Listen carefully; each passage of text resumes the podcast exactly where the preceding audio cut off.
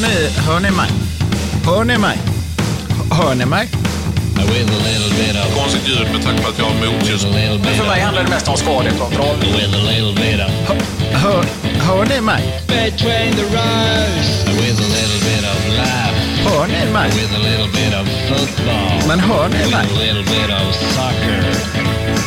Between the rows. Hör ni mig? Hör, hör ni mig? Between the. När jag satt och filade på någon form av inledning så slog det mig. Vad har det här varit för helg egentligen? Har det spelats fotboll? När i så fall? Och mellan vilka i så fall? Och då vrider sig Anders på stolen och tänker, men Arsenal då? Vi vann ju med hela 5-0 trots att Havertz fick starta igen. Samtidigt vill man inte vara sämre i Göteborg där Mr Andersson hymlar med ögonen och skriker inombords. Men Liverpool då? Vi vann ju med hela 4-0 trots att Harvey Elliott, Curtis Jones och Luis Diaz alla startade samtidigt. Och visst, de har ju en poäng.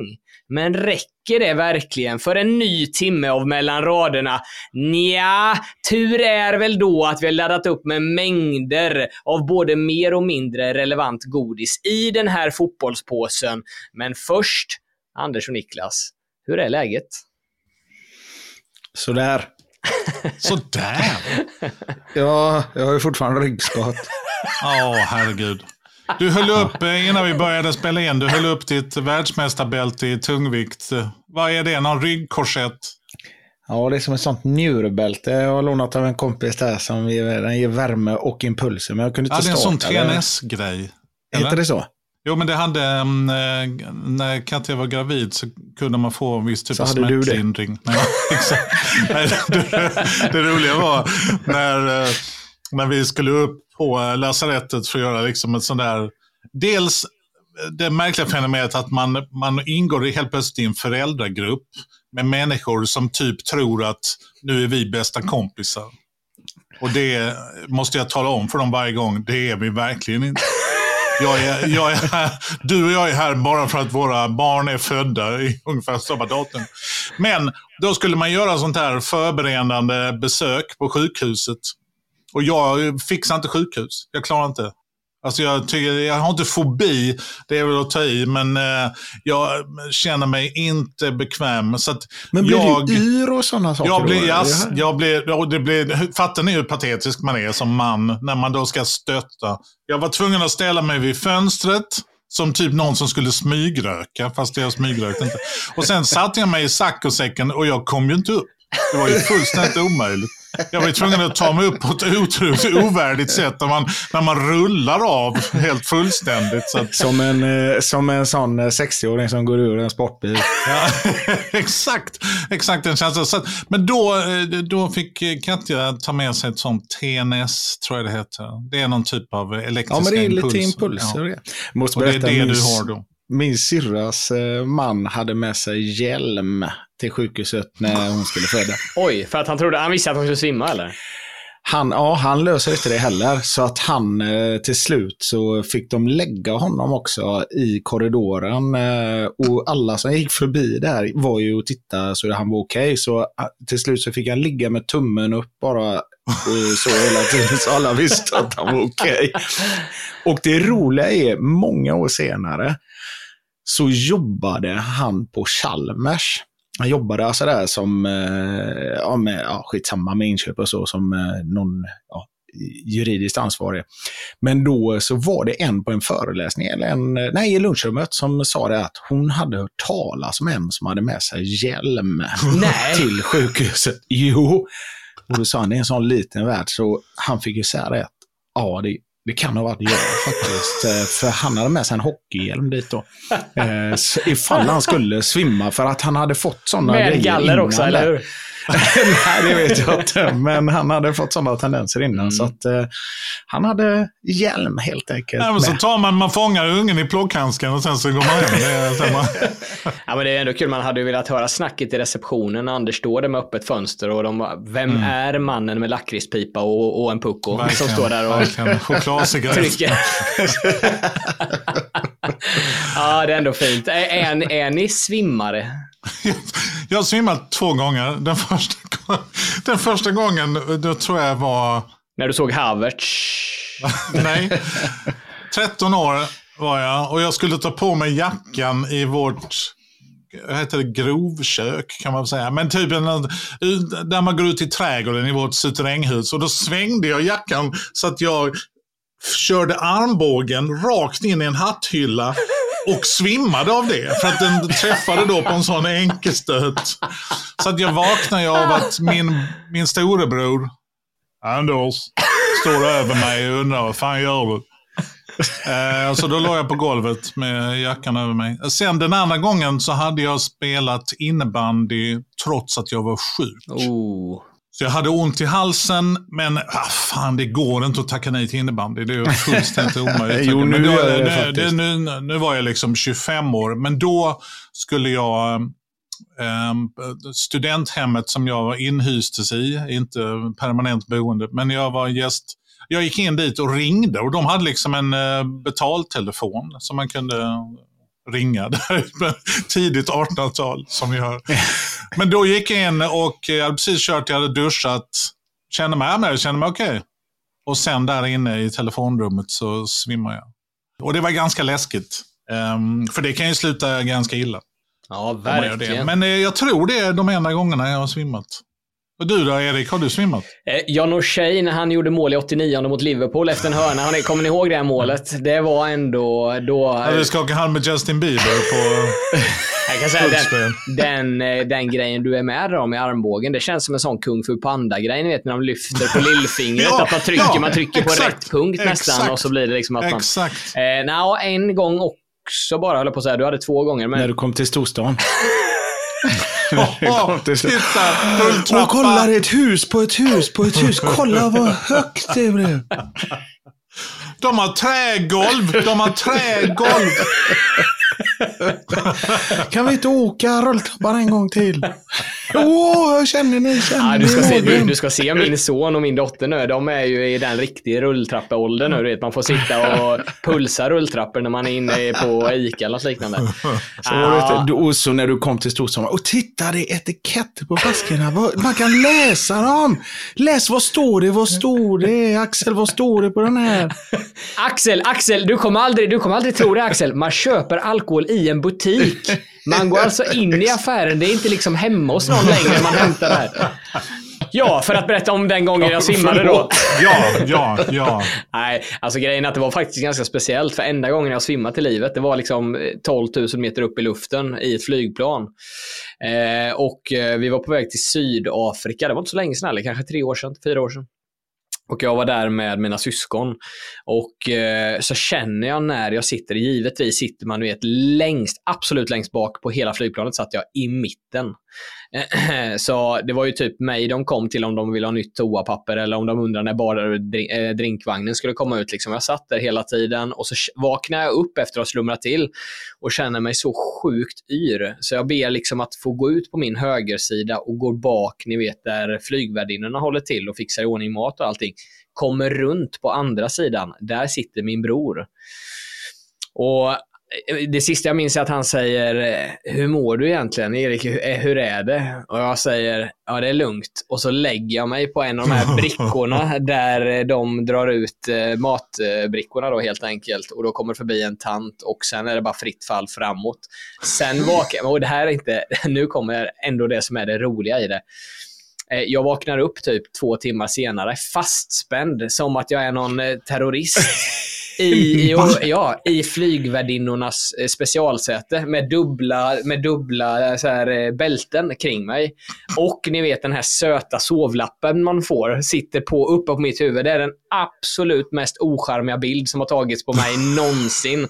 Axel passade på och som för övrigt ska börja klippa den här podden, så min lillebror Ja. då, han eh, tog en bild Så där. detta ska han klippa bort. Han, jag kommer ringa till honom sen och be honom ta bort det. Eh, ja, det var sjukt. Det var riktigt märkligt. Men, de, Men vad tror du att det berodde på då? ja, men något form av blodtrycksfall måste det vara, något. Jag vet inte. Nej, jag vet inte. Vi hade en tjej, eh, jag gick nog, men jag kommer inte ihåg, jag gick nog både högstadiet, men det var framförallt på gymnasiet som eh, Maria, tror jag hon hette, hon hade väldigt lågt blodtryck, så varje gång vi spelade brännboll så svimmade hon när hon skulle ta lyra. För att hon höjde armarna, hon höjde armarna och sen typ så trillade hon. Och det tyckte jag, jag slår nu inte mot Maria för det är ganska jobbigt. Och det var ju det enda man siktade på. Alla killarna var ju, för fan, ge mig platta träet. Nu jävlar ska Maria svimma. Och så fick hon ligga då. Fick hon, och det, så fick hon ligga liksom i en slänt. Sådär med benen uppåt eh, hela tiden. Jävligt eh, typiskt så som man var i skolan. Det hade, ju, det hade ju ändå varit kul att se henne i en volleybollmatch då. Det var... Hon hade ju svimmat hela tiden. Ja, det- Men nu somnar hon när hon räcker upp handen i skolan. Hon kan... Varför du, så, du är inte aktiv alls på lektionerna? Det finns ju, narkolepsi är ju ändå en av, det är ju jättejobbigt för de som har det, men det är fortfarande, det finns ju några sjukdomar som ändå är lite roliga. Och narkolepsi, där man då kan somna när som helst, är ju lite rolig ändå, kan jag tycka. Framförallt så visar det sig att taxar och noshörningar lider av narkolepsi. Nej, är det sant? Det, har, det här måste jag berätta. Det finns den berömda naturfilmaren som är ute och filmar på savannen och så ska han ta en bild på en noshörning och så inser han, jävlar, jag står inte särskilt bra till. Den börjar charga mot honom då, som en jävla eh, fullback i NFL.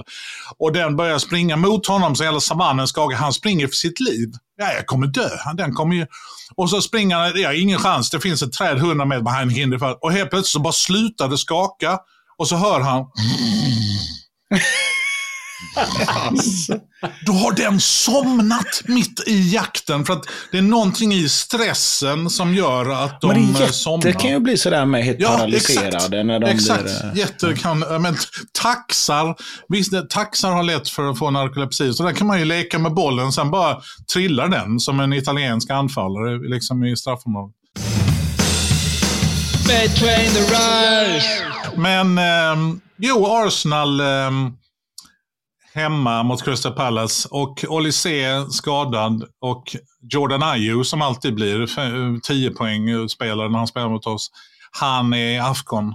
Eh, tror jag. Så att eh, förutsättningarna var ändå relativt goda och vi hade varit i Dubai i två veckor och eh, hängt med Salt Bay. Jag orkar knappt säga hans eh, fjantiga namn. Men eh, alla våra tre Gabby var djupt inblandade i denna matchen. Eh, Gabriel gör två nickmål. Nu är han den mittbacken, sedan 2020 när han kom till Arsenal, så är han den mittbacken i världen som har gjort mest mål. Grejen är att det blev ju uppskrivet som ett självmål. Ja, men det spelar ingen roll. Han ligger ändå... Han ligger, nej, men alltså allmänt talat, han är den, tror jag, eh, återigen Anders stats. stats. Ni får kolla upp detta Jag noggrant. la märke till att du försökte fila in ett, tror jag. Eh, men det var ju trevligt. Och han Ja, är, den, är den är oväntad också ändå på något sätt. Även om han är duktig på huvudet och allting så eh, det trodde inte att det var så många påsar han hade gjort. Han gör ganska mycket. Arsenal för, för övrigt eh, leder ju um, set pieces mål. Vi har gjort flest mål på fasta situationer. Top of the League. Men eh, så det var trevligt. Det blev 1-0, sen blev det 2-0. Och sen... Eh, Fantastisk sammanfattning. Vadå, vänta lite nu. Vänta lite. Efter 1-0 så kom... 2-0.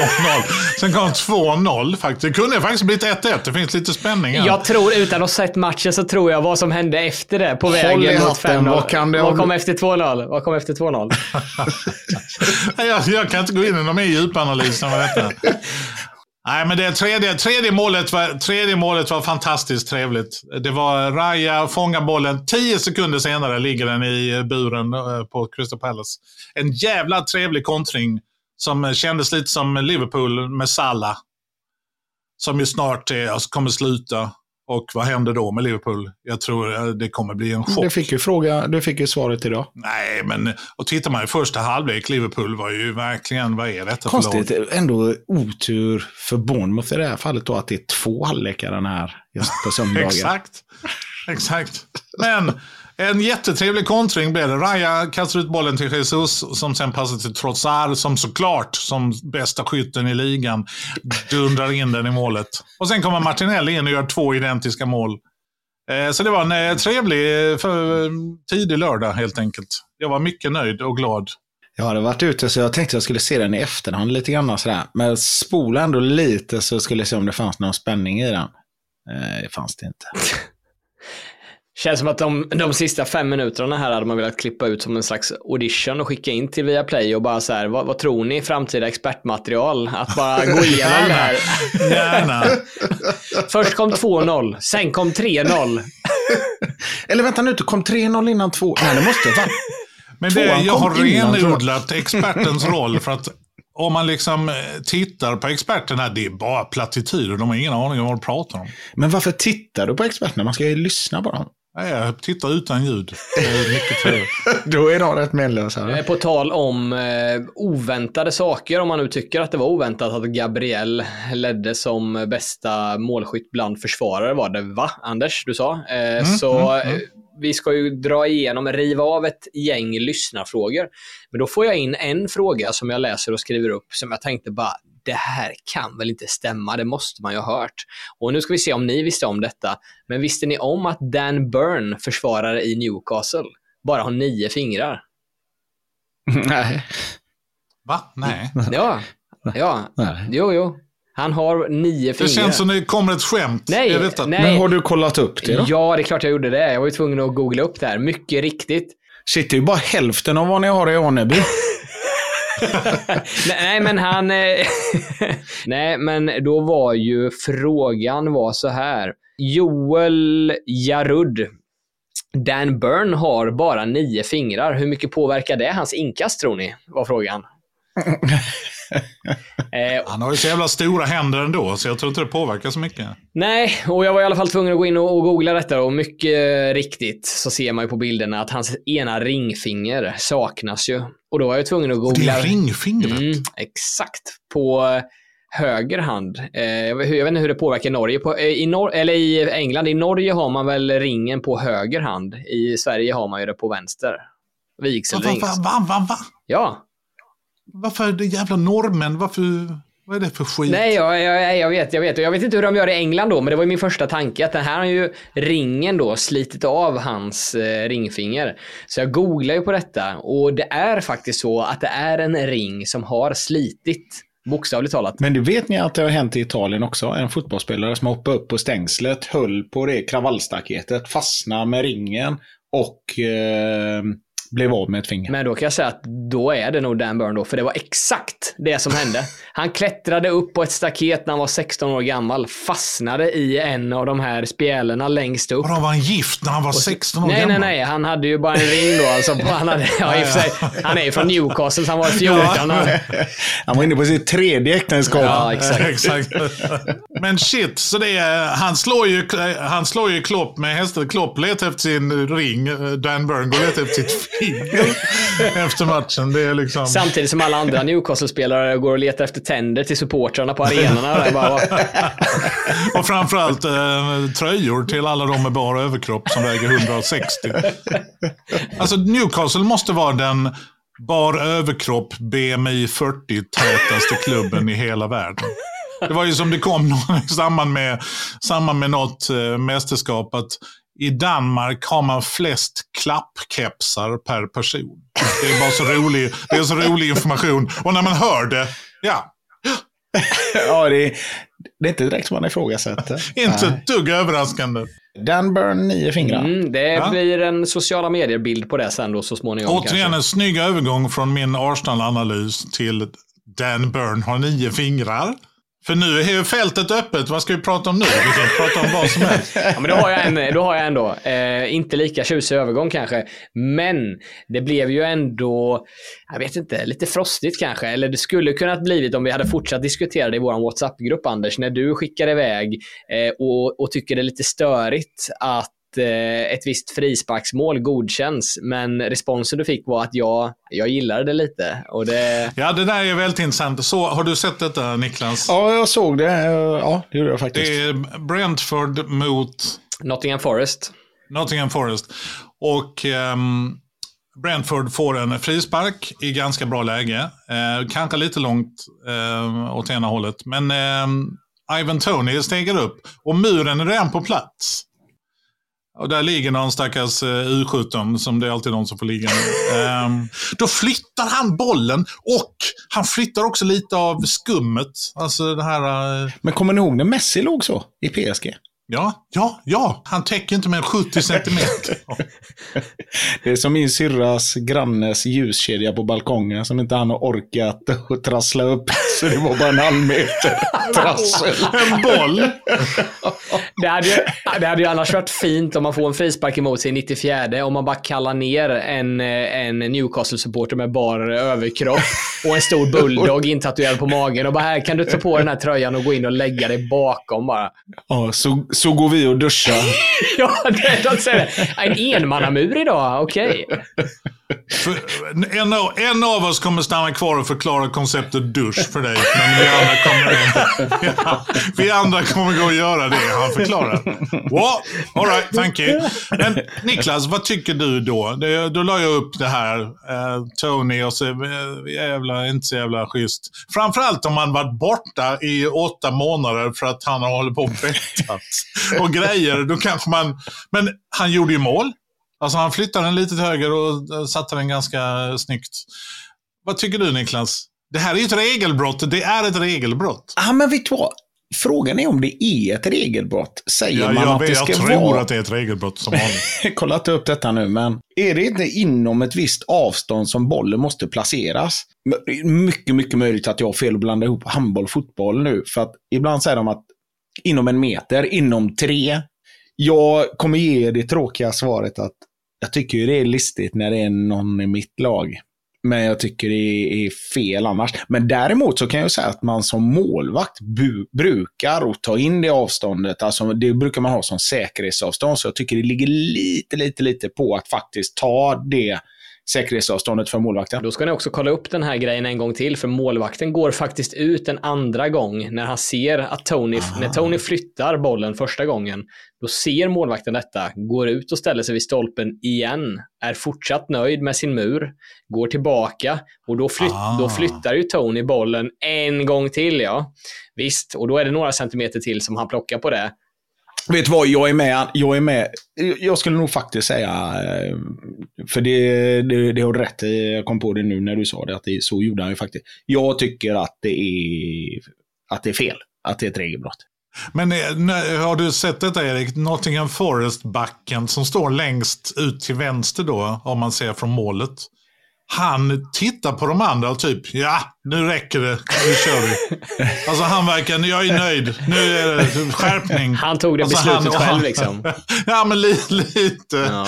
lite. Nu har vi hållit på och ältat detta för länge. Och det som händer när man såg det här eh, direkt, då kände man ju att oj, vad hände nu? Nu sköt han när inte domaren hade blåst, eller gick den igenom muren, eller vad hände? Det kändes ju väldigt märkligt när den går i mål. För det var nästan en bredsida. Det var ju verkligen så. Det var en bredsida bara runt och, och allting bara stannar upp och man tänker Nummer ett har målvakten ställt muren helt galet. Nummer två hade, var liksom inte spelet igång. Man fattade ju knappt vad som hade hänt för allt såg så fel ut på något sätt. Men jag gillar ju listen. Jag kan ju till och med uppskatta en bra filmare och den grejen händer ju typ inte. Filmningen kommer man ju inte få Nej, se. för fasen. Nej, Jo. det kan du aldrig Jo. uppskatta. Nej, där, där, där kommer vi vara Nej, men absolut, alltså, det, är ju, det är ju trevligt när det är någon italienare som har tränat hela sitt liv på detta. Nej, jag klarar inte sett- av detta. Jo, Jo, klart. jo, jo, jo. Ja. Ja, Nej, jag pratar ens av i studion när de sitter så här, så han är smart när han går ner. Han är inte smart, han fuskar ju. Det här känns som en diskussion mellan en mitt, mittfältare slash anfallare och en mittback och en Ja, målvakt. eller en fuskare. Nej, men, en nej, men det är det här som är kul. Det är ju också skillnad på, alltså, jag, jag, tycker det finns någon annan tjusning i det när man gör en ren filmning, alltså Gilardino-grejen ni vet, fast han misslyckades, kontra att lägga sig lätt Bruno Fernandes eh, typ. Jo, men alltså en ren filmning, någon som är en bra filmare och som kan på något sätt lura systemet lite. Det kan jag ändå. Jo, det här, det här är ändå, det finns någonting som kittlar den grejen. På samma sätt som när eh, Ivan Tony lägger bollen en meter åt sidan, gör mål och de går vidare och med, med det. Och, alltså, den grejen, det är ju bara så här, han, han, hittade en, han hittade the crack i systemet där och det var ingen som, då tycker jag det är mer pinsamt av Nottingham som gör en Klopp-style-grej, att ska försöka med omspel nu och försöka överklaga målet i efterhand. Bara, nej, det gick inte. Han eh, kom undan med det här. So be. Det värsta är att jag hade kunnat, och har också gjort, flyttat bollen så. Eh, lite grann. Eh, så att jag, jag fattar ju att man tar chansen och jag tycker inte det är lika farligt som en filmning. En filmning blir jag ju Ja, det blir jag förbannad på. Det ty- Nej, jag tycker det, för, det förstör ju fotbollen. Och som vi var inne på här om veckan, det är ju därför Italien inte har något handbollslag. Nej, men låt, låt dem försöka. Låt filmare få försöka. Och, gå, och sen, kan man, sen kan jag känna att man kan absolut införa till exempel avstängningar i efterhand på filmningar och så här. Men låt folk få försöka om de vill då, så bä, bära eller brista grejen. På samma sätt man tänjer på gränserna när det kommer till att flytta bollen eller ta åtta meter längre upp i planen när du ska kasta ett inkast eller vad den är. Eh, jag, jag stör ju mig mycket mer på typ, jag vet inte, maskningar eller att domslut inte blir korrekt och sådana grejer. Det är ju mer störigt för Apropå mig. frisparkar, har ni tänkt på, eller väldigt sällan man ser en sån snabb ifrån det eh, området där precis utanför straffområdet. Eh, Ja, du slår den innan Det- signal liksom. Ja, och har du inte då, i alla fall var ju reglerna så förr, att om du inte har begärt avstånd så, eh, så kan du lägga frisparken när du vill.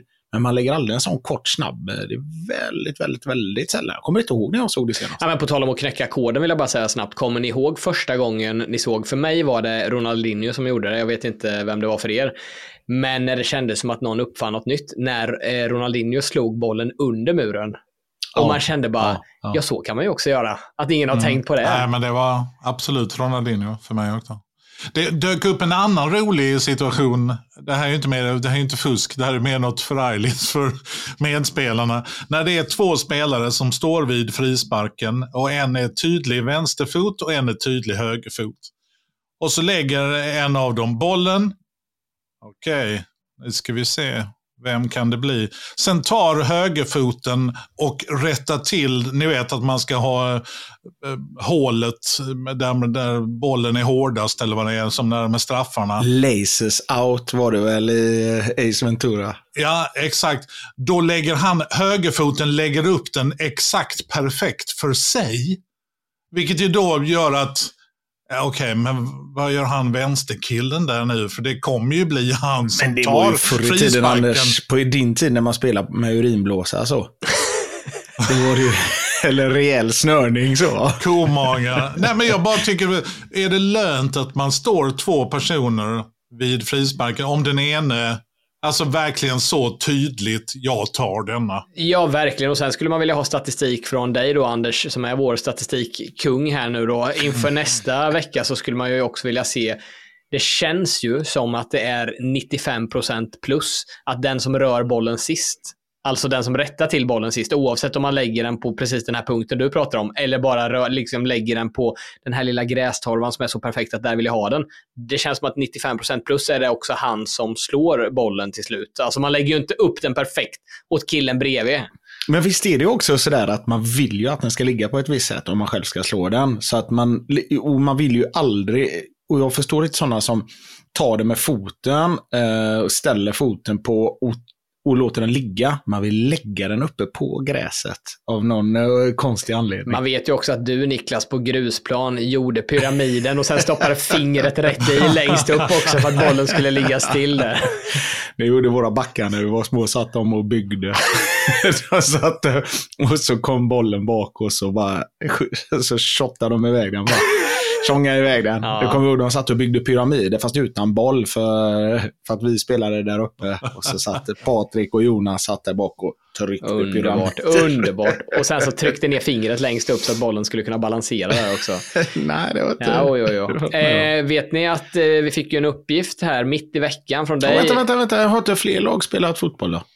Jo, fler Nej. lag har spelat. Brentford vann i alla fall. Nottingham Forest gjorde första målet, men sen vann Brentford med 3-2. Och idag har ju då eh, West Ham och Sheffield United spelat. Såg ni avslutningen där eller? Ja, Det är stökigt.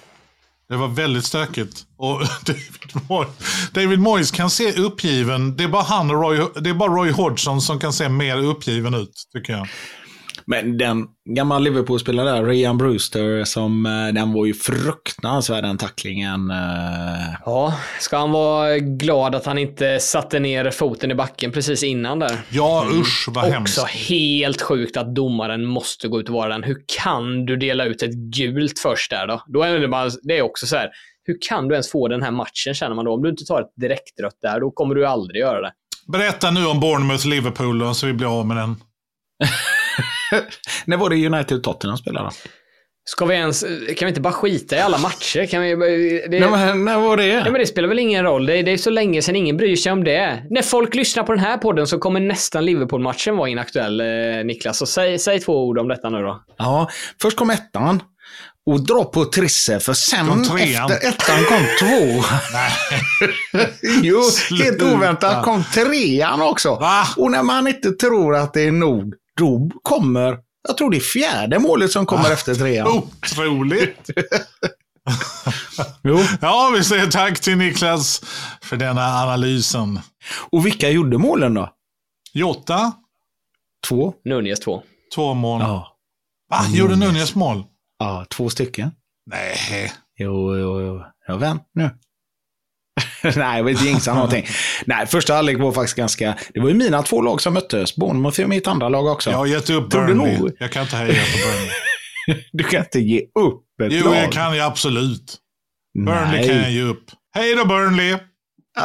Det är Samma som att du inte kan ge upp en spelare. Min mugg, Min mugg är snart på Erikshjälpen. Så om ni bor i Lund och hejar på Burnley så finns det en stor chans att den eh, finns där måndag, tisdag, onsdag.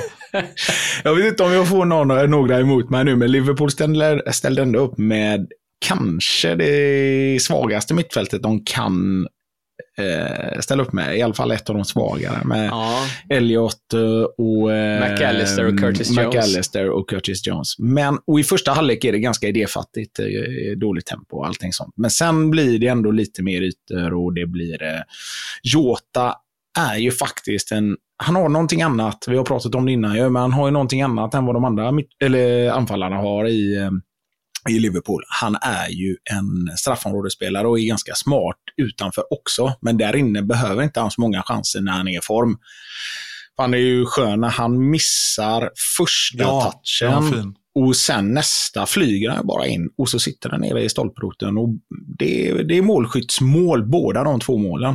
Eh, och ja, sen så är det ju nästan, nästan på Nunez andra mål att det är ett sånt där läge som han skulle kunna missa, men den går stolpe in. Eh, så det var nog väldigt viktigt eh, där. Och sen är McAllister gör en jättebra match. Det här är typen av matcher som det hans tempo är helt okej för.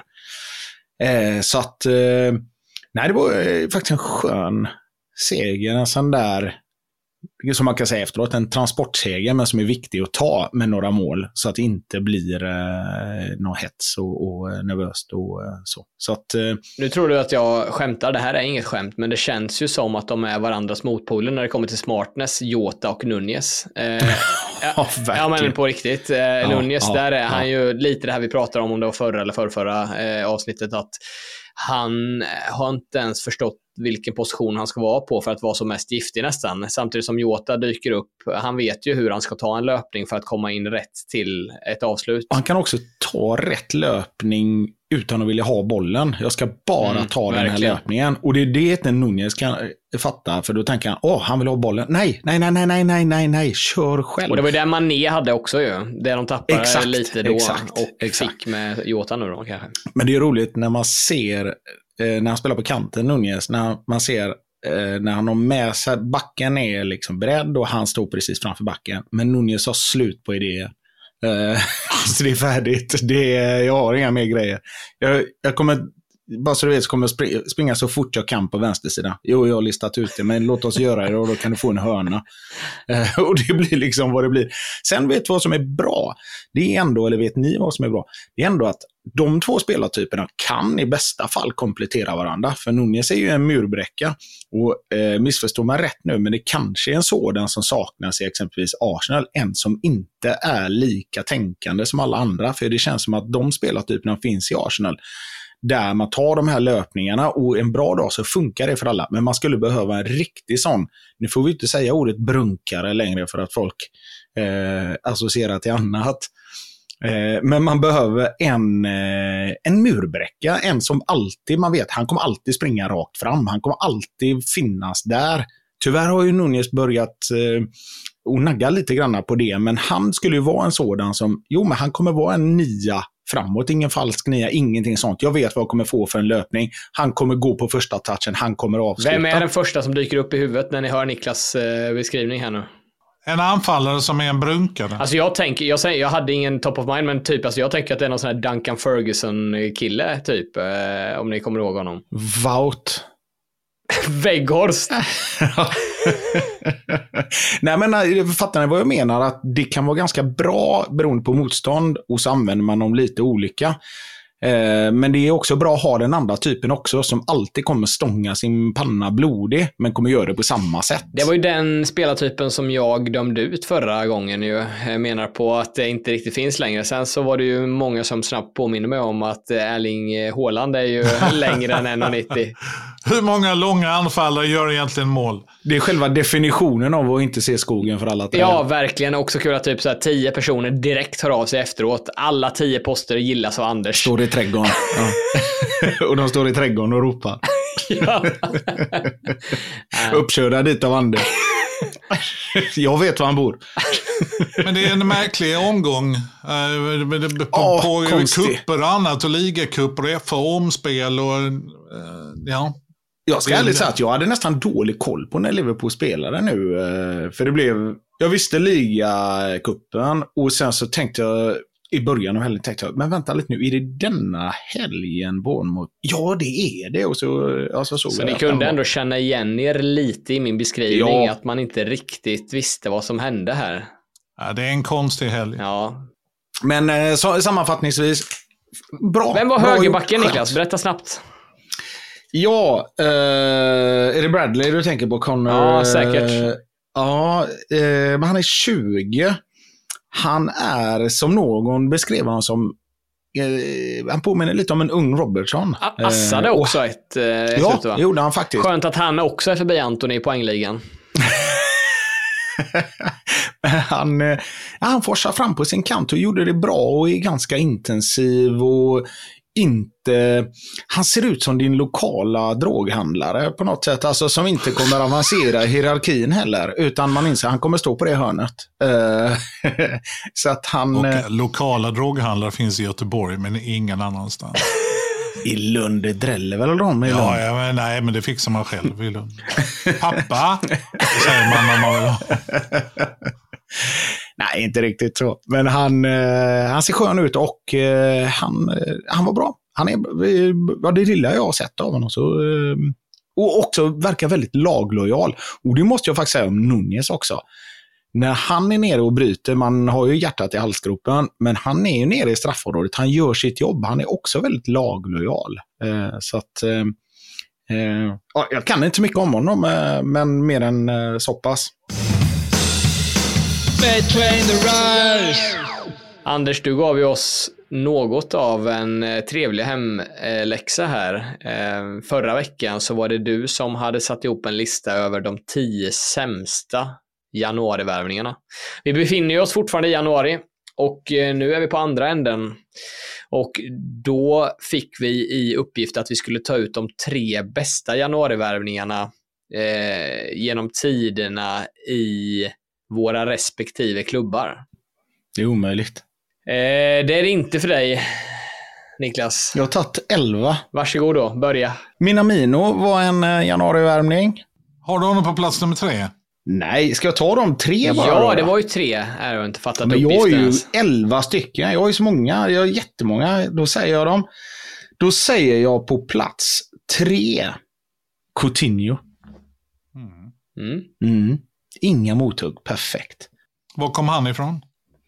Kom från Inter. Inter. Mm. Nästan 100 på det. 99,9. Eh, inte, och Niklas 99,9. Jag kan, jag kan, jag kan Anders. fylla på den sista 0,1 där. Det är 100. Han var från Inter. Ja. Och han kom också för 8,5 miljoner pund. Mm. Mm. Såldes för, hur mycket? 1,4 miljarder nästan, eller? Mm. Ja. Mm. Suarez är på två, är på andra plats. Oj. Ja, det är inte så mycket att säga emot. Etta, van Dijk. Tycker du det? Mm. Han var ju dyr. Men om det är någon som motsvarar pengarna så är det van Dijk. Jag tycker fortfarande juryn är ute på den. Ja, jag är inte riktigt övertygad. Nej, men det, Nej, han men har inte så mycket Suarez- kvar nu. Han har inte så mycket Vet ni kvar vad, jag kollar upp vad de går för Suarez. 22,7. 22,7. Oj, bra gissning Anders. Eh, Kan du inte berätta vem Erling Haaland tycker är den svåraste och tuffaste försvararen att möta då, Niklas? Skickar jag den till Ja, dig? det eller så, eller? Till gruppen. Eh, Den svåra, eh, Petter Hansson har ju lagt av, så då, eh, nej, Maguire, men det sa han ju. Och sen så skrattade han och skrattade och skrattade, så fick de avbryta. Är tydligen så att jag måste väl lägga ut det här nu då i våra sociala medier också när eh, Haaland lyfter fram eh, Maguire och säger att eh, i mina ögon så är han tidernas bästa försvarare. Jag har aldrig sett någon som är så... Som luktar mer sprit. Ja, exakt. nej. Det är väl någonstans, det är väl någonstans där mittemellan Niklas och min historia som stämmer. Han pekar ändå ut Maguire som den tuffaste försvararen han någonsin har mött. Det är sanningen. Det är ändå ju spännande. Det är ju faktiskt, eh, om man nu menar allvar, jag blev faktiskt rätt. Det gjorde han ju, det måste du ändå säga. Han säger ju till och med, nu kommer folk undra varför jag säger Ja, detta och så ja. kommer han ju med Absolut. förklaringen. Så att det var ju inget snack. Jag menar, Maguire stenhård, han, vi minns ju alla klippet när han sätter dobbarna i Pogbas huvud. Efter att han har värmt upp i just den övningen. Det, det, det är fruktansvärt skojigt. Och Pogba tittar på honom som att han skulle kunna Han mörda blir, honom. han blir tokig. Fruktansvärt förbannad.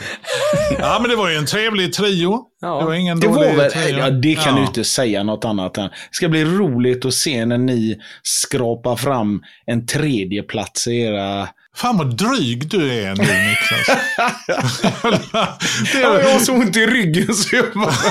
det, du, det, hade jag haft det som anledning, det kunde jag varit så jävla... Jag pratade med Filip Tolf om detta, att det finns inga som kan vara så jävla dryga som Mm. Liverpool-supportrar. Jo, men på ett sätt. Och jag hyllade Erik eh, inför Filip, att eh, så fort jag går på Niklas, om jag säger typ att Ja, men Elliot har nudelfrissa. Anders, Anders. Onödigt, onödigt. Då kommer Erik. Du, gå inte på, gå inte på den lätte. Hugg, hugg honom, hugg honom. Nej, fy fan. Nej, men det var fantastiska värvningar till Liverpool som leder med fem poäng och kommer ta hem ligan den här säsongen. Men vadå, ni har ju redan, ni var ju etta i set pieces och sen var det något annat. Kolla, jag säger det. Direkt kommer någonting. Direkt vet, kommer någonting. vet. Det är bara Det är så här, släpp inte garden Anders. Du måste liksom fortsätta Nej, bara mala nej. på. Sen sitter han där med ryggskott också och ska skylla på det. Som att det är en anledning till att vara Och grinig. Mohamed Salah som eh, skadar sig. Jag är borta två matcher. Det har jag räknat ut. Det är lagom. Mm. Vad är det för jävla fjantfusk? Ja, Det var, jävla det var förbundskaptenen som sa det för att eh, det är väl det som gruppspelet är och för att mörka det lite grann. Jag tror han är borta längre. Ja, kanske. Samtidigt är det en match mer än vad Onana hann med när han åkte till Afrika och tillbaka. Sa jag hej då när jag kom? Men han borde ju också... Såg ni det målet som han släppte in mot... Vilka det var? Ja, han, såg inte, han kändes inte svinsmidig där. Nej. Han, hade, han måste ju, ungefär som när man åker tunnelbana så där, hade han ju kunnat lösa en biljett som man kan åka tillbaka på inom 90 minuter.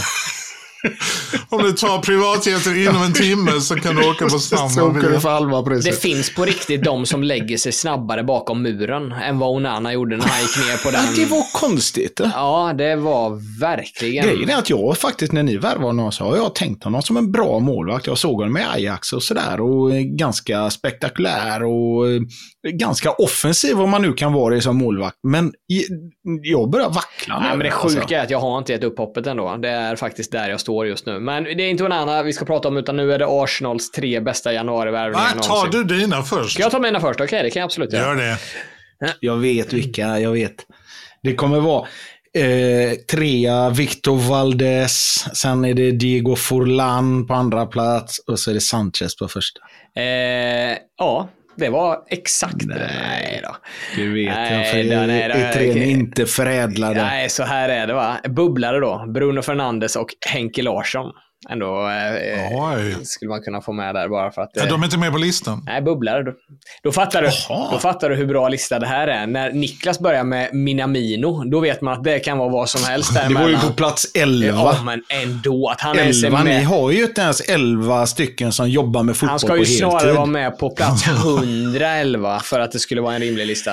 Vi köpte, vi köpte honom för Släpp honom. 7,6 Släpp miljoner pund. Men det är, vem är han? Ingen kommer ihåg honom ens. Eh, Minamino är det man spelar när man har tröttnat på Uno. det låter verkligen som ett sånt sällskapsspel. Okej, Var det, ja, det var din lista, var det? Du hade två bubblare. två bubblare. Bruno och Henke Larsson. Nummer tre på listan. Patrice Evra. Mm. Mm. Mm. Också. Ja, Var också it- från Italien, eller nej? Nej, Monaco kom han ifrån. Mhm. Eh, Inte superhärlig. Nej, inte i början var han inte det. Han var rätt eh, hårt kritiserad, precis som ettan på den här listan var hårt kritiserad i början. Men nummer två då, först. Andy Cole, kom från Newcastle, vräkte in mål, var med och eh, vann trippen och så vidare. Det är inte heller så mycket att säga om. Märk ändå Anders, för han har fått gå tillbaka i historieböckerna. Det här är inte digitaliserade källor det här, utan det har fått kolla. Kolla Döda havsrullarna. Ingen jätteskräll att det inte är någon med från de senaste 15 åren, Niklas. Det har du helt rätt i. Jag vet vem som är Ja, ettan. få nu. höra då. Vidic. Ja. Nemanja Vidic, etta. Överskattad. Eh, Då undrar ni, eh, har du åkt hiss med honom någon gång, Erik? Jajamän, det har jag gjort. Är det sant? Jajamän, jajamän. Men var värvades han? Från Säters anstalt? Spartak eller någonting sånt? eller Ja, nu blir jag osäker. Var det Röda Stjärnan eller var det Spartak Moskva? Något, eh, ja, men det var det. Något sånt. Ja, Jag tror de går bara 7 miljoner pund från Ja, och på tal sånt. om spelare som var dunderkritiserade i början. Han hade ju det jättejobbigt i början. Eh, liksom Evra hade det tufft i början. Och sen så åt sig in till att bli Ja, ihop med, det är svårt att skilja honom och Ferdinand på. De var ju nästan som ett, kan man ju säga, men eh, kanske Premier Leagues, en av Premier Leagues bästa försvarare någonsin. Det får man väl ändå säga. Säger ni emot mig? Jag tycker att de är tills, ja, men jag kan säga emot lite, jag tycker tillsammans var de ett av Premier Leagues bästa försvarspar. Då var de ju Premier Leagues bästa försvarspar. Ja, då var de det. Ja, men det, har det funnits något bättre försvarspar i Premier League någonsin? Över tid. Alltså nu menar jag inte jag en Saliba säsong. Gabriel, Nej, men Saliba Gabriel. Ja, men allvarligt talat, de är bättre än någon som ni har Menar, är är du på riktigt nu att du tycker att Saliba och Gabriel... Nej, jag tycker de har eh, förutsättningar för att bli eh, Mm, det är en annan sak. Det är en annan sak. Ja. Mm. Men däremot, så, för jag kommer ihåg faktiskt när jag skrattade, eller när Sa du Skertel precis nu? Nej, när Vidic gick till, eh, till United. Och då var det precis så att Liverpool hade varit där huggt också. Och sen så fick ju vi en Wish-variant av eh, Vidic i Skertel. Och då tyckte ni att det var jobbigt, men så hade han också typ Agger bredvid sig, så det var ju liksom inte heller att... Det var ju liksom Agger köptes också i januari, bara så ni vet. En av de bättre värvningarna. Mascherano var också. Ja. Ja, det var i alla fall listan då. Eh, Topp tre. Nu, Anders. Då har jag också lite bubblare. Ehm, men jag tar jag liksom det är spelare som, okej, Adebayor kommer jag inte ha med på min lista för jag tycker inte så mycket om honom. Ehm, men han värvades i januari. Um, Thierry Henry värvades i januari 2012 och var med och gjorde mål mot Leeds i FA-cupen, vilket ju är ett fantastiskt ögonblick. Um, framförallt, vem var det, vad heter han nu, Eh, Peter Drury, är det han som eh, kommenterar? Mm. He may be cast in bronze outside the Emirates, but he's still capable of golden moments. Den var snyggt, Oj. eh, hade han förberett. Ja, det hade Men, han. eh, Och, då har jag- vänta, förlåt, men hur glad blev inte han när Henri då gjorde mål och han kände att nu Ja, får jag trycka verkligen, nu från... kan jag använda ja, verkligen. Men sen måste jag också plocka fram en eh, spelare som jag gillade väldigt mycket. Eh, Nacho Monreal eh, värvade vi i januari från Malaga 2013 eh, för 8,5. Är vi inne på listan nu? Väldigt bra spelare. Nej, men han är otroligt bra spelare. 250 matcher för Arsenal. Ja, absolut. Jag menar bara, ja, det var en ärlig fråga. Är vi på plats tre nu eller är det bubblar? Nej, han är inte på plats tre. Men hur kan Henri vara en bubblare? Nej, men det var ju bara en ps- pseutovärvning. Det var ju andra omgången Niklas, det missade du eller? Ja, inte... Det var inte första gången, det var ju när han kom han Jaha, det missade jag. han, nej, Det var okej, alltså okej. 2012 när han värvades Ja, som en liten kul Kommer grej. ihåg att han gjorde sitt signummål i alla fall där när han Ja, men den i verkligen. Martinelli gjorde två sådana nu i helgen. På tredje plats har jag Theo Walcott. Eh, 2006, januari, 5 miljoner från Southampton. 16 bast då eller någonting. Ja, precis. Ehm, 12 och ett halvt år i Arsenal. 108 mål på 400 matcher. Ehm, bra kille. Jävligt vad snabb han var. Fy fan. Den matchen mot Liverpool. Och just när Adebayor gör målet och tror att han har gjort allt. När Walcott har sprungit förbi hela Liverpool. Men så Walcott är på plats nummer tre. På plats nummer två, eh, Aubameyang. Från eh, Borussia Dortmund 2018 för visserligen 56 miljoner, men eh, då var det klubbrekord. Men han gjorde 10 mål på 13 matcher i den första halvsäsongen och sen eh, så vann han Golden Boot tillsammans med eh, Salah tror jag.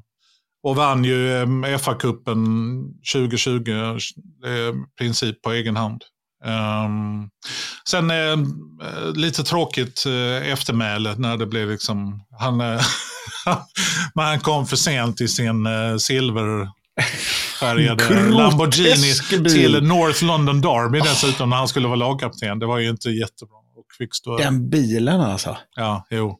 Om man nu, om man nu, om man nu eh, vill utnyttja 0 till 100. Eh, man kommer Den skulle norra man, London. som, som vi pratade om förut där, och ta sig ur den. Den skulle man ju vilja se Steve Bruce ta sig ur. jag coachar från bilen. Jag coachar från bilen idag. Också det, fina då, också det fina då när han också viker ner sätet och så kommer Sean Dyche bak, han har suttit i baksätet. Och båda benen har somnat. Han får sitta, bak, han får sitta i baksätet också för att han har barnstol där fram. Men sen har, jag, sen har jag faktiskt på min plats nummer ett eh, min favoritspelare. Ehm, och det här var ju då ehm, ett lån. 2021, den 27 januari så lånade vi från Real Madrid Martin Ödegård. Mhm. Ehm, och Martin Ödegård, ehm, ända sedan han liksom började synas i de sammanhangen så är det ju en sån spelare. Fan, honom skulle vi ha i Arsenal. Honom skulle vi ha i Arsenal. Så att det, det är ibland fortfarande så att jag måste nypa mig i armen för att han är faktiskt med i Arsenal. Martin Ödegård. Så att jag är eh, väldigt, väldigt glad för den värvningen. Ja, för om vi skiter i eh, Bergkamp och Henri typ, alltså, eller ja, nej, jag höll på att säga nästan eh, hela den Invincible-generationen, men är det, det är väl nästan ledande fråga nu Anders, men din, din största Arsenal-hjälte eller? Ödegård? Mustafi.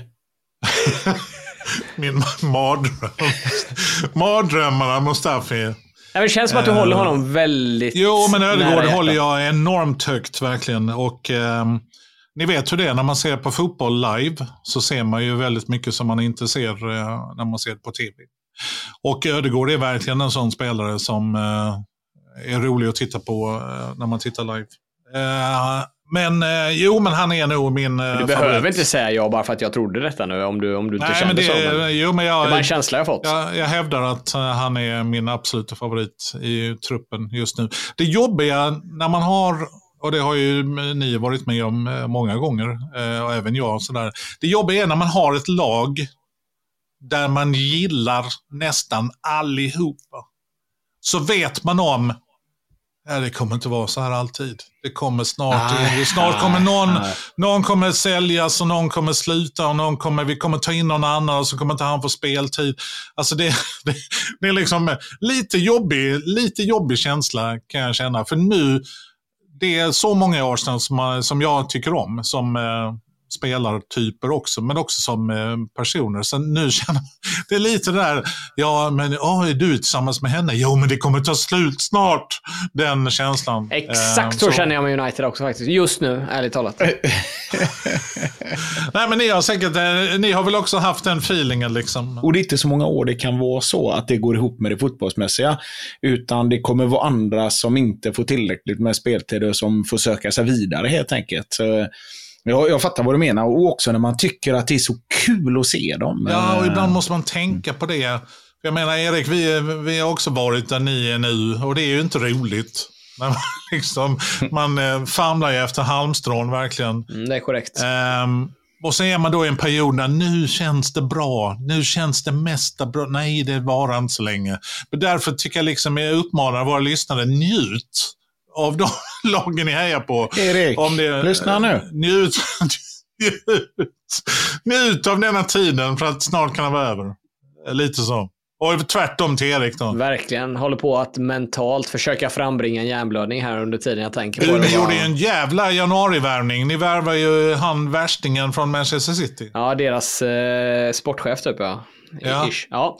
Det kanske kan bli någonting. Jag, för, jag håller med. Jag, ärligt talat så satt jag verkligen och tänkte tillbaka på Eh, när du pratar om detta Anders. Och eh, det var ju verkligen den generationen med eh, Scholes eh, och eh, tyvärr då, som någon man inte gillar nu längre, med Gigs och ja, men alla, egentligen Class of 92. När, hela, när man visste att det börjar gå mot sitt slut och så känner man att det är liksom alla ens gamla hjältar som är på väg bort. Det, det, det är ju tråkigt redan på förhand för att inte tala om att man visste att snart så skiter Sir Alex i det här. Eh, den tanken på det när man gick alla år innan där och bara ja, det kommer ju vara en tid nu utan honom snart och då mådde man ju dåligt. Absolut. Jag kan fortfarande, jag, jag kan redan nu gå och gruva mig över när Klopp lämnar. Mm. Ja. Det är, men för ärligt talat, jag förstår det. Jag förstår det. Så, så är det hemskt också när det blir lite så här, jag vet inte, det är extra speciellt men när alla de här har varit en del av ens barndom på något sätt. För så var det för mig eh, när alla de slutade. Eh, för, ja, första gången Emily såg mig, det har jag säkert berättat innan, första gången min fru såg mig gråta, det var när Johan Davidssons tröja hängdes upp i, i eh, Kinnarps arena, hette då i HV. Ja. För det var som att en liten del av barndomen bara dog där. Eh, och, då, och så var det med HV. Men hörni, eh, bra. Januarivärvningar, bara jag ska säga. På senare år, United har köpt minst under januari. Mm. Jaså? Ja, ja, ja, om man då räknar eh, storklubbarna antar jag. Men, eh, och vet ni vilka två klubbar som har köpt mest? Det är inte så svårt att gissa. En av dem i alla Ja, fall. Chelsea då eller? Chelsea har köpt mest. Och Tottenham har köpt mest. Jaha. Jaså? Men det hänger ju säkert ihop med specifika, specifika köp. Men eh, United har inte lagt mycket pengar i januari. Between the rise. Ta upp något annat. Vi hade ju Ja, lyssnarfrågor. jag tänker att vi måste komma in på det snart innan, eh, innan det blir allt för långt här, för att vi har ändå rätt många bra frågor här. Och den första tycker jag att vi ska reda ut till alla våra lyssnare, för den har kommit mer än en gång. Vad hände med försnacks i fredags? Jag har inte ens dratt en avsändare på den, utan det är, eh, ja, det är flera som undrar. Försnacks, eh, rätta raderna med försnacks utgick på grund av reasons. Detta är ett underbara uttryck. Nej, men vi håller på att prata med Stryktipset och eh, förhandlar lite med dem. De håller på att räkna våra rätt också. De håller på att räkna hur många rätt vi har haft. Så att eh, vi ligger dåligt till. Nej, men vi får se om den eh, återkommer. Eh, rätta Det var egentligen, det enkla svaret väl att säga att vi hade det fram till nu. Och så får vi se hur det blir i fortsättningen. Precis.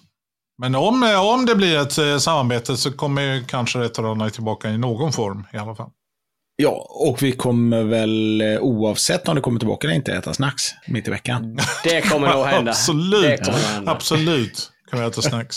Anders har tagit sig igenom en hel låda skumtomtar. Japp. Det var ju ändå, det blev ju nästan, om man tycker att, liksom, om, att det var ett, en miss med hur få rätt ni hade. Man får ju be till gud att vi inte får betalt efter rätt som ni sa. Men sen också om det var en miss, eh, då kan man ju nästan också börja pika oss själva lite, eller er två, för försnackset. För att när man då började, man, tanken var att, man skulle, att ni skulle ladda med ostbågar. Det blev ju nästan att så här, tredje avsnittet satt ni med varsin tandkrämstub nästan. ju. Det blev ju... Nej, jag hade alltid Man något fick, gick att springa ut, man fick springa ut och hämta något i köket. Jo, men verkligen. verkligen. Potatismos kör jag idag. Så- så- man Skumtomtarna, kan- skumtomtarna var ju tacksamt för dig, ett kilo skumtomtar, för de levde kvar i fyra avsnitt typ.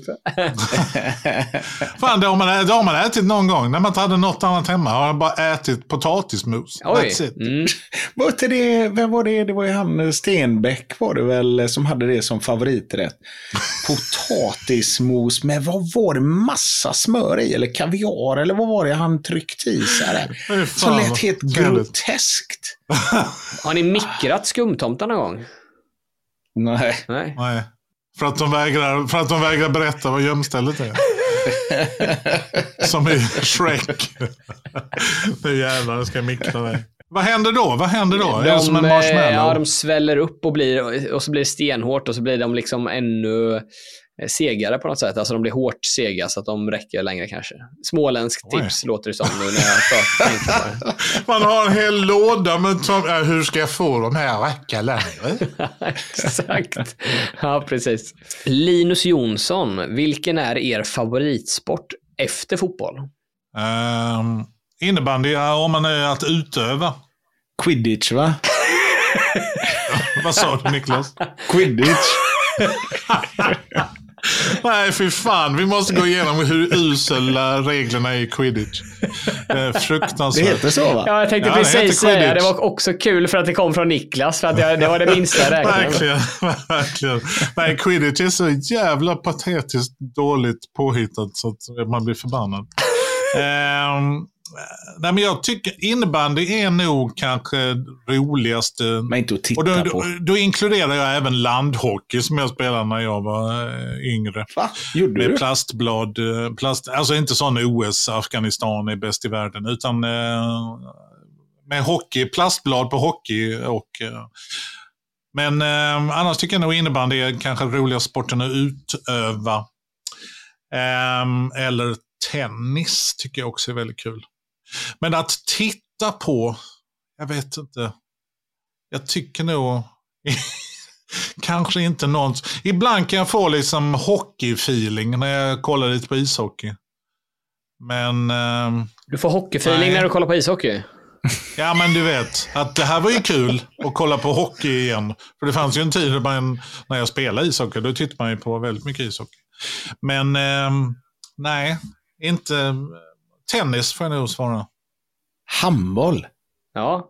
Och jag klarar inte av handboll. Jag klarar inte av handboll. Det är faktiskt en av de roligaste tv-sporterna att kolla på. Det är... eh, Jag tycker det är fruktansvärt kul att se på. Eh, såg ni inte när Gottfridsson...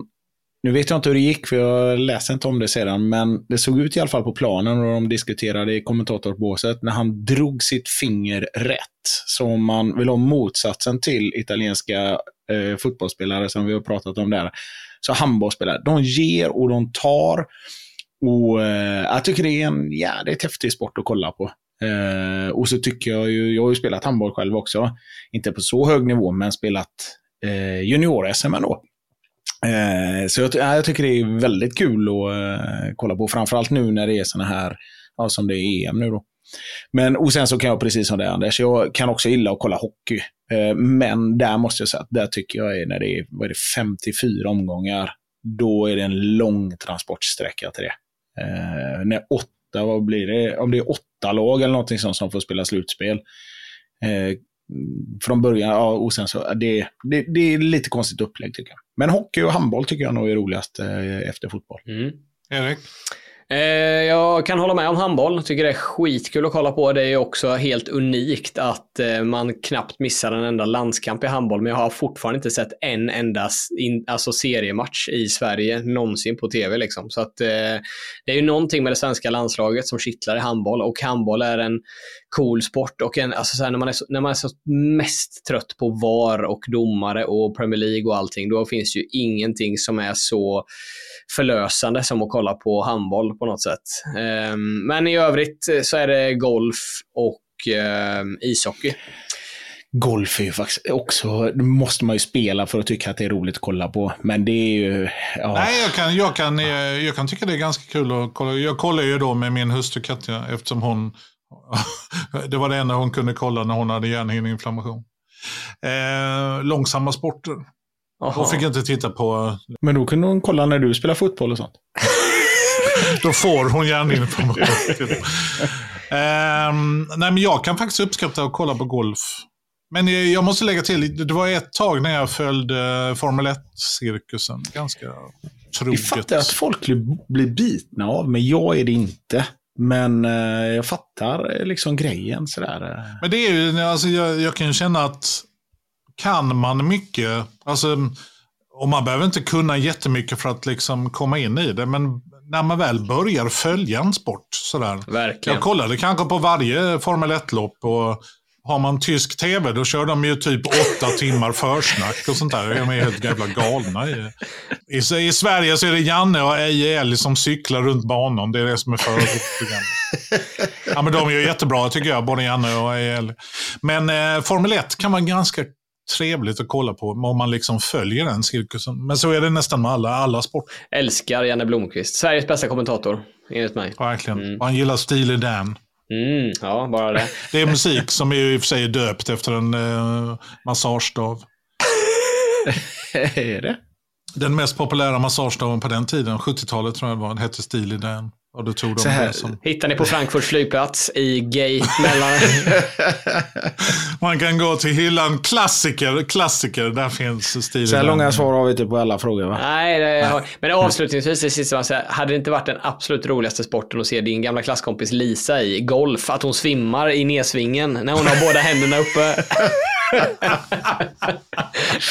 Det är både golf och tennis, alla sporter. Hon har liksom... Precis när hon ska serva så bara... Ja, första serven, eh, Lisa ska serva. Oj, där svimmar hon. Ja, vi avbryter. Ja, verkligen. Var, jag glömde säga det förut när vi pratade om så, eh, narkolepsi. Det hade jag, jag en kompis i fotbollen som eh, jobbade på ett sommarjobb på ett lager. Där hade han en kollega som hade eh, narkolepsi. Så han kunde komma till jobbet helt eh, sår i ansiktet och hade han somnat på cykeln. Oh, aj. Så det är ju Aj, aj, förenat aj, med livsfara. alltså. Ja, också härligt att man då väljer att ta... Jag tar cykeln imorgon igen. Det är lugnt. Ja, men också, han jobbar ju på lager. Jag vet inte om han körde truck. Nej, får man ju Ja, säga. nästa fråga. Eh, Rickard Holst, eh, jag vet inte om jag kan förkorta den här frågan lite, men han frågar tankar om Benzema till Arsenal. Och eh, Anders, om du då som eh, Arsenal-supporter får utveckla lite dina tankar så kanske jag och Niklas bara kan svara ja eller nej om vi tror att det kommer hända. Nej, men eh, nej. Det, självklart, jag menar, eh, nu eh, tio år efter att han var aktuell för Arsenal så hade det varit roligt att se Benzema i Arsenal. Nej, men det hade varit ett kul experiment. Problemet är att han, eh, han tjänar väl liksom 10 miljoner pund per mål och per minut. Så att det skulle ju aldrig, eh, det blir inte hållbart på något sätt.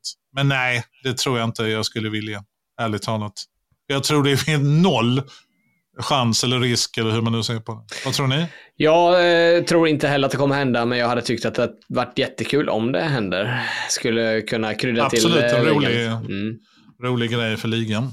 Ja, och är det något lag han skulle kanske, så här, Arsenal hade varit kul, det hade kanske ändå liksom spetsat till lite. Så här, United hade absolut inte behövt en Benzema för att det hade bara blivit mer kaos, men Arsenal kanske behöver lite kaos i sitt lag, jag vet inte. Niklas? Nej, jag tror inte det hände. Yes. Okej, nästa då. Emilia Persson med en nolla i o likt en annan i den här panelen. Vem är er drömgäst i podden? Niklas, nu får du börja. Oj. Eh, drömgäst i podden. Och du får inte svara Glenn Hysén. Jürgen Klopp. Ska jag gå först? Ja. Roy Keane, säger jag. Åh herregud. Nej. Då går jag och hämtar kaffe också. Han kommer, ju, han kommer tycka att vi är så jobbiga så det finns inte. Ian Wright, Ian Wright hade jag väl ha med. Ja, den har varit bra. Han är bra. Det är inte helt, ja, men det är inte helt omöjligt. Han har ju redan tackat nej till oss ju. Jaså? Ja, vi träffade, Han fick frågan. vi träffade honom ute vid pajhaket där. Vi frågade om vi, vi skulle, kommer du inte ihåg detta? När vi åt paj. Jo, eller- jag kommer ihåg detta. Ja, då gick vi in och pratade, eller jag gick in och, jag gick in och pratade. Däremot fick jag en bild med Alan Smith. Ja. Alltid något. alltid- På Alan Smith bara. Han gav dig en bild bara. Här har du. Thank you. Du där med O'boyen. Uh, här har du en... Du, som- du som sitter där och äter en Dennis Bergkamp-paj. Kommer du ihåg när vi testade Ja. pajerna på Pivory Corner? Vi testade alla. De var bra de flesta. De var ganska bra, men det, det roliga var att den enda skillnaden mellan en Tony Adams-paj och en Dennis Bergkamp-paj var att det var lök på Dennis Bergkamp. Så det var liksom, Det jag förstod liksom inte riktigt kopplingen, men det kan man ju skita i också. Det är också roligt att, eh, att Erik sa att de var bra. Alltså att det lät som ni checkade igenom hela Jo, vi måltiden. testade flera pajer. Det blev ett Jaha. inslag. Det blev inslag i... Hade de raderna. tåpaj?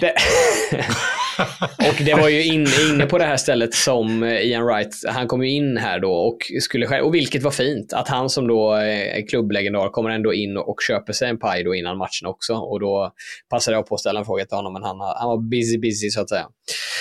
Eh, Okej, Simon Holmström undrar, han skriver bara favoritsak med varandras klubbar. Eh, jag kan börja och tycker att eh, Arsenal spelar en ganska rolig fotboll. Jag tycker den är kul att se på. Jag tycker att de eh, har stort fokus på att gå framåt eh, på senare år. Det finns en spelidé. Man kan se linjer och det finns en tanke bakom eh, det mesta och det är i bästa fall mm, ja, men en väldig fart, eh, tycker jag. United. Hmm. Ja, det kanske är bäst du pratar en stund Anders, så jag kan fundera lite. Nej, jag tycker det är bra att det är rimlig framgång för United just nu. Sen tycker jag, jag måste, jag måste säga att jag tycker det är lite gött att, att ni får känna på den här ökenvandringen, att det liksom inte Du, finns... du har inte uppfattat frågan korrekt. Du skulle, du skulle säga något positivt Jag tycker det är roligt att ni går och går och så är det en oas, tycker ni att ni ser det, och så är det en hägring och då blir det, jag tycker det är ännu lite roligare att det fanns inget vatten där. Eh, nej, jag tycker ju, det är ju, men ärligt talat, alltså, det är ju faktiskt ganska svårt med United eh, just nu. Det kanske klickar i rätt som det är, men det är ju, eh, det känns tyvärr som det är en lång bit kvar. Och sen så kanske det smärtar, eh, eller det gör det, det smärtar att säga det, men jag tycker ju egentligen att det kanske är tre spelare som håller måttet, varav en av dem är Bruno Fernandes som jag tycker är en gudabenådad fotbollsspelare. Eh, det tycker jag verkligen. Och sen så är det ju Garnacho som jag tänker är lovande. Han har fortfarande jättemycket kvar att bevisa. Eh, men sen så gillar jag ju Rashford. Jag bara vill att han på något sätt ska få sitt huvud rätt och eh, få det att kugga i ordentligt. Så tänker jag att det är en av de bättre engelska fotbollsspelarna. Så ja, men, jag skulle nog säga tre spelare, för det är svårt att säga klubben nu. Och spelet. Det är det faktiskt. Kan jag backa? Anders då?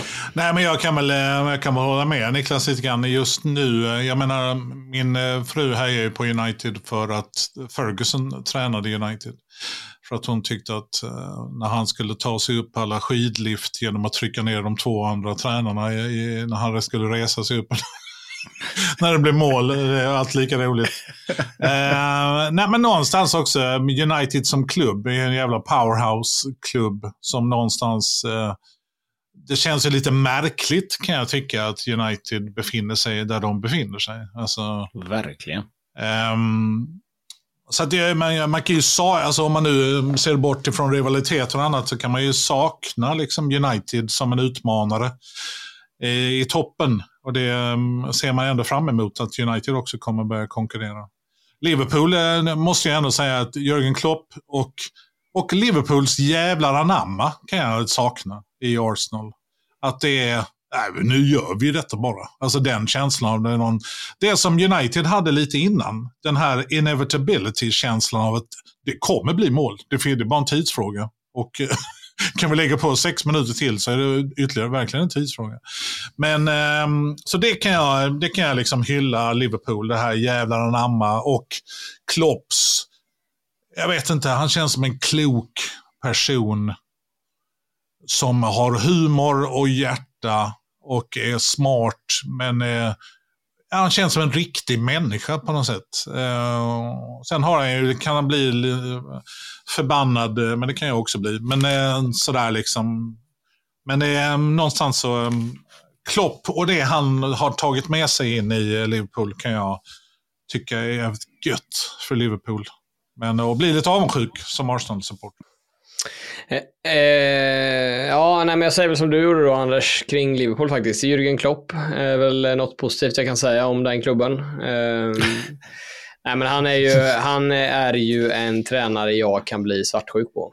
Eh, hade gärna sett honom i United och inte bara efter all skit som har varit de senaste åren, utan det var ju någon som man ganska, alltså direkt innan han ens kom till Liverpool, hade velat ha som tränare. Eh, sen kan jag hata honom ibland också, så man har ju någon förkärlek till honom, men det är ju alltså han är ju en fantastisk tränare. Det är bara, jag, jag har lite svårt med hans personlighet ibland när det kommer till att liksom vara på domare jämt. Och, han är en usel förlorare. En, verkligen, han, han är en tråkig förlorare. Jag gillar ju dåliga förlorare, men han är en tråkig på ett helt annat sätt. Eh, men man gillar väl det om man har honom. Men det blir ändå min positiva grej om Liverpool. Med Arsenal så kan jag ändå uppskatta sättet man ändå eh, alltså sköter klubben i stort kanske, men framför allt typ värvningar, hur man ändå har lyckats på senare år förädla många jag gillar till exempel hur man eh, plockar in eh, spelare likt eh, mitt eget lag gjorde för många år sedan och gjorde dem till världsstjärnor. Eh, Martinelli och Ödegård och gänget. Eh, så det är ju en eh, det tror jag hänger ihop lite, rätta mig om jag har fel Anders, men med att man får en väldigt trevlig relation till de här spelarna. Man känner ju mer för dem då på ett annat sätt. Och det kan man även som supporter för en annan klubb göra, att man kan känna för sådana spelare som ändå gör en resa på något sätt. Men det är väl eh, med unga spelare är ju kanske lättare att tycka om på det sättet. Men tyvärr så måste man ju, om man ska vinna ligan och Champions League, så måste man ju ha balansen i truppen och den kan inte bara vara 22-åringar på något sätt. Utan eh, man behöver ha lite, och man behöver ha lite, eh, några jävlar och några supertekniska och lite den här mixen. Liksom. Och det är när man, när man hittar den balansen. Sen är det ju ganska mycket tur. Om man eh, klarar en säsong utan skador eller eh, något annat skit. Liksom. Men det är sånt som man kan tycka ibland som man tycker är lite konstigt. För jag fattar det ni säger om Klopp sådär, och det är det som jag, eller det är det som skulle behövas, inte som jag tror, utan det är det som skulle behövas i United. En som tar klubben med storm, alltså en som tar klubben, inte bara laget, utan som kommer dit med en beslutsamhet om att förändra allting från grunden. Och precis eh, som du säger Erik, där, när Arsenal alltså förädlar talangerna på det sättet. Eh, det tycker jag också är otroligt snyggt. Problemet är ju bara när det blir ett par år, det har man ju märkt på Liverpool och sånt också, när det ska omförhandlas kontrakt sen och alla ändå tycker att de är ganska bra. Och då blir det svårt att krydda med de här riktigt dyra. Så det är bra att ni har gjort det nu. Ni har ju börjat på fas två med Havertz, äh, vad heter det, inte Havertz, äh, med Declan Rice och sådana saker. När man, precis som du säger, köper också några färdiga spelare, men köper dem i rätt ålder. Men jag tänker bakgrundschecker och sånt är ju också minst lika viktigt, att de ska fungera i en grupp och sådana saker. Jag har ju sagt innan i podden också att det verkar nästan som Klopp köper enklaver av människor. Att eh, det fanns en koloni av brasilianare, fanns, nu finns det en av holländare. Det finns, och det finns alltid liksom en pappa i den gruppen på något sätt, en sammanhållande länk. Nu är det Alisson i, i brasilianska eh, eh gardet och så innan var det eh, Lukas och eh, sådär. Så att man, man bygger ett lag snarare än köper spelare. Ja, och sen ska ju gudarna veta att eh, tränare som Klopp faktiskt inte växer på träd som tar och sveper Nej. in och tar en klubb med storm heller. De är ju extremt sällsynta eh, nu för tiden, så att det är väl eh, han och Guardiola och Simeone kanske. Det är inte, det är inte många. Förmodligen lite Bielsa-aktigt också ja, kanske, så ja. jag vet inte. Ja, precis, men för att ta, ta över en mm, stor mm, klubb. Mm. Hörni, eh, så här är det. Klockan är nu strax efter 11. Om eh, fyra timmar så ska jag eh, gå upp igen för att åka till Arlanda och kliva på ett flygplan till Malaga i Spanien. Så ja. Eh, vi, vi, måste avsluta Vänta lite, Skulle detta låta jobbigt? Mm, nej, just, den, just den biten han beskrev är ju ganska jobbig. Ja, den, den sista där kanske inte är lika jobbig. Om fyra timmar så måste jag ta min första öl på Harrys där. Om två timmar så ska jag ta en ny smärtstillande, sen ska jag ta på mig det här brottarbältet och så ska jag upp och lägga mig sängen. det värsta är att jag, innan jag lägger mig måste jag göra några övningar tror jag. Och, eh, ja, skitsamma. Men vet ni vad? Ytterligare en gång då så pushar jag min lilla hörna som jag har kollat upp. med skostorlekar och spelare Mm. som ni ska få gissa på. Så får det bli nästa vecka då. Mm. Ja. Har jag kollat upp. Yes. Som alla har dividerat så mycket om. Alla har sett fram emot så mycket. Det är spännande. Det är spännande. Det ska vi ta. Ja, det tar vi nästa vilken vecka. cliffhanger det blir igen. Mm. Härligt ju. Eh, du kan få avsluta det här på annat sätt om du vill Niklas. Åh jädrar ja. Ehm, vet du, senast Liverpool ehm, förlorade så eh, den holländska mittfältaren, vet ni vad han gjorde då? Då gick han hem och skulle supa ner sig. Eller som man kallar det i Holland. Han tog, En, Gravenbergsöl. ja, han tog en Gravenbärs. Ah, Gravenbergs! Yay! Känner du, att, du- känner du att Anders, du har på riktigt tre veckor i rad nu? Har du liksom varit på Fast det? problemet är när jag säger, alltså jag ser inte bärs i Gravenbärs. Bara det är ju ett stort jävla jättehinder. Att säga Gravenbärsöl är ju ett jävligt idiotiskt eh, förslag. Ja, ändå en annan sitter van Dijk, Köjt. eh, Vi går ut starkt.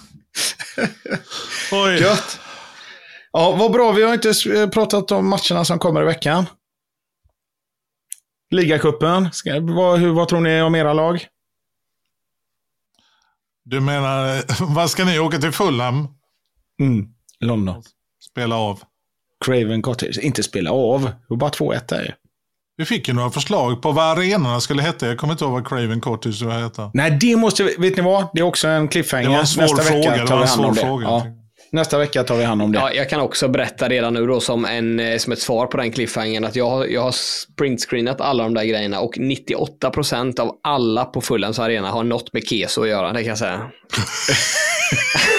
Ja, men det är en perfekt uh, cliffhanger.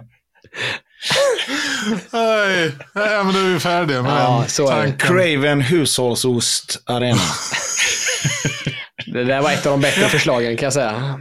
Nej, hörni, nu måste vi stänga den här lådan. Ja, eh, gör det. tack för idag och tack för tack att för ni var med Ha det oss. gott. Hej! Ha det gött. Hör ni, hör ni mig? Hör ni mig? Hör ni mig? With a little bit of, Konstigt ljud med tanke på att jag har mot just with a little bit För mig handlar det mest om skadekontroll. with a little bit of, Hör, hör ni mig? between the rows. With a little bit of laugh. Hör ni mig? With a little bit of football. Men hör ni With mig? a little bit of soccer. Between the rows. Hör ni mig? Hör, hör ni mig? Between the rows. Ge mig platta träet. Nu jävlar ska Maria svimma.